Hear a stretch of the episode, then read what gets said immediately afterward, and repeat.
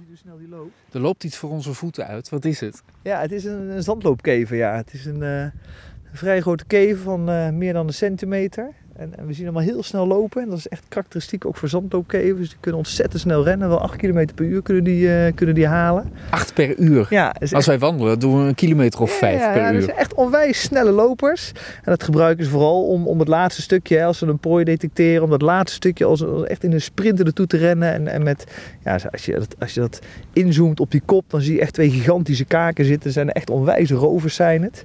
En niet alleen op het moment dat ze echt als standloopkever over dat zand te lopen, maar ook als ze als eh, larve in de grond zitten, dan, dan hebben ze dat al. En waar jagen ze op dan?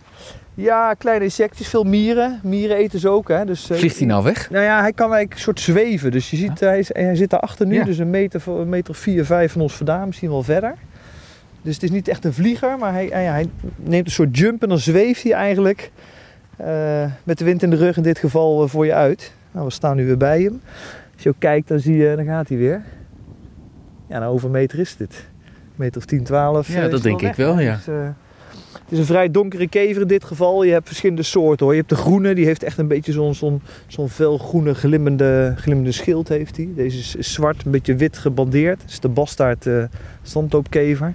Ik ben hem even kwijt, maar zo direct als die opspringt, dan zien we hem waarschijnlijk. Oh, hier zit hij, hier voor ons, ja. Ja, Oh ja, toch weer dichterbij dan ik ook dacht. Jong. ja hij gaat er steeds vandoor, ja. ja. Dus we kunnen hem niet van heel dichtbij eh, bekijken. Maar mooi Soms wat soortje snel in de eh, gaten ook dan. Ja, nee, zeker. En het is wat ik zei, het is echt een rover. Op het moment dat eh, en in een paar jaren voordat hij tot het volwassen stadium uitgroeit, zit, zit, zit die larve ook als een, ja, als een larve in de grond eigenlijk in een gangetje. Heel veel soorten hebben dat, dat ze ja, als, als larve in de grond zitten of dat de eitjes in de grond worden afgezet. En dan komt hij uit dat tunneltje en elk miertje of wat dan ook voorbij komt, wordt gewoon gegeven met die al goed ontwikkelde kaken.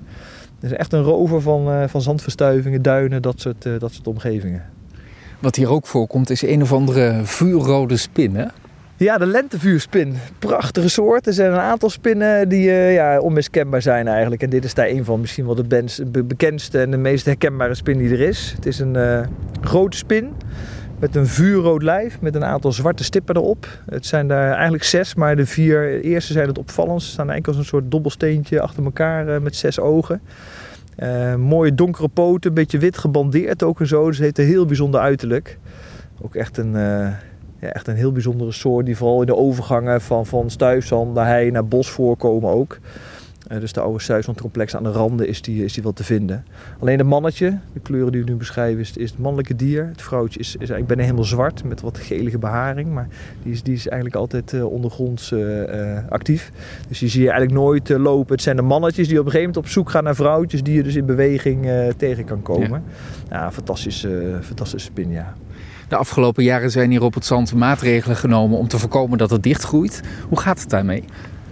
Ja, klopt. We hebben natuurlijk eh, het stuifzand. Als je het stuifzand bekijkt, dan is dat natuurlijk een gebied wat, wat gebaat is bij de dynamiek van het zand. Hè. Dus dat moet kunnen verstuiven. Nou, door onder andere de stikstofproblematiek is dat stuifzand eh, heel erg vastgelegd de afgelopen decennia.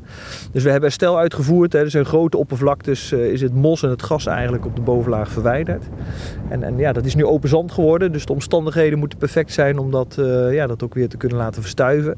Dat is soms in de zomer het geval, maar soms ook, ook in de winter. Ja, en, en ja, hoe het daarmee gaat, wat dat betreft, eh, de, het probleem van de stikstof is nog steeds niet opgelost natuurlijk. Hè. Dus we Dus het groeit nog- toch wel weer dicht. ja, we hebben nog steeds te maken met gewoon een een veel te hoge neerslag van, van stikstof eigenlijk. Dus, dus het groeit eigenlijk weer dicht. Ehm, uiteindelijk eh, zijn we wel ook wel met, met beheermaatregelen bezig om dat ook weer open te houden. Eh, maar er zal echt iets moeten gebeuren aan dat probleem, ook om- hier de kwaliteiten te verbeteren straks. En, en dat herstel ook succesvol te laten zijn, ja. Andere tijden, hè, als je dat vergelijkt met de jaren dat de Veluwe, de dorpen bedreigd werden door het zand.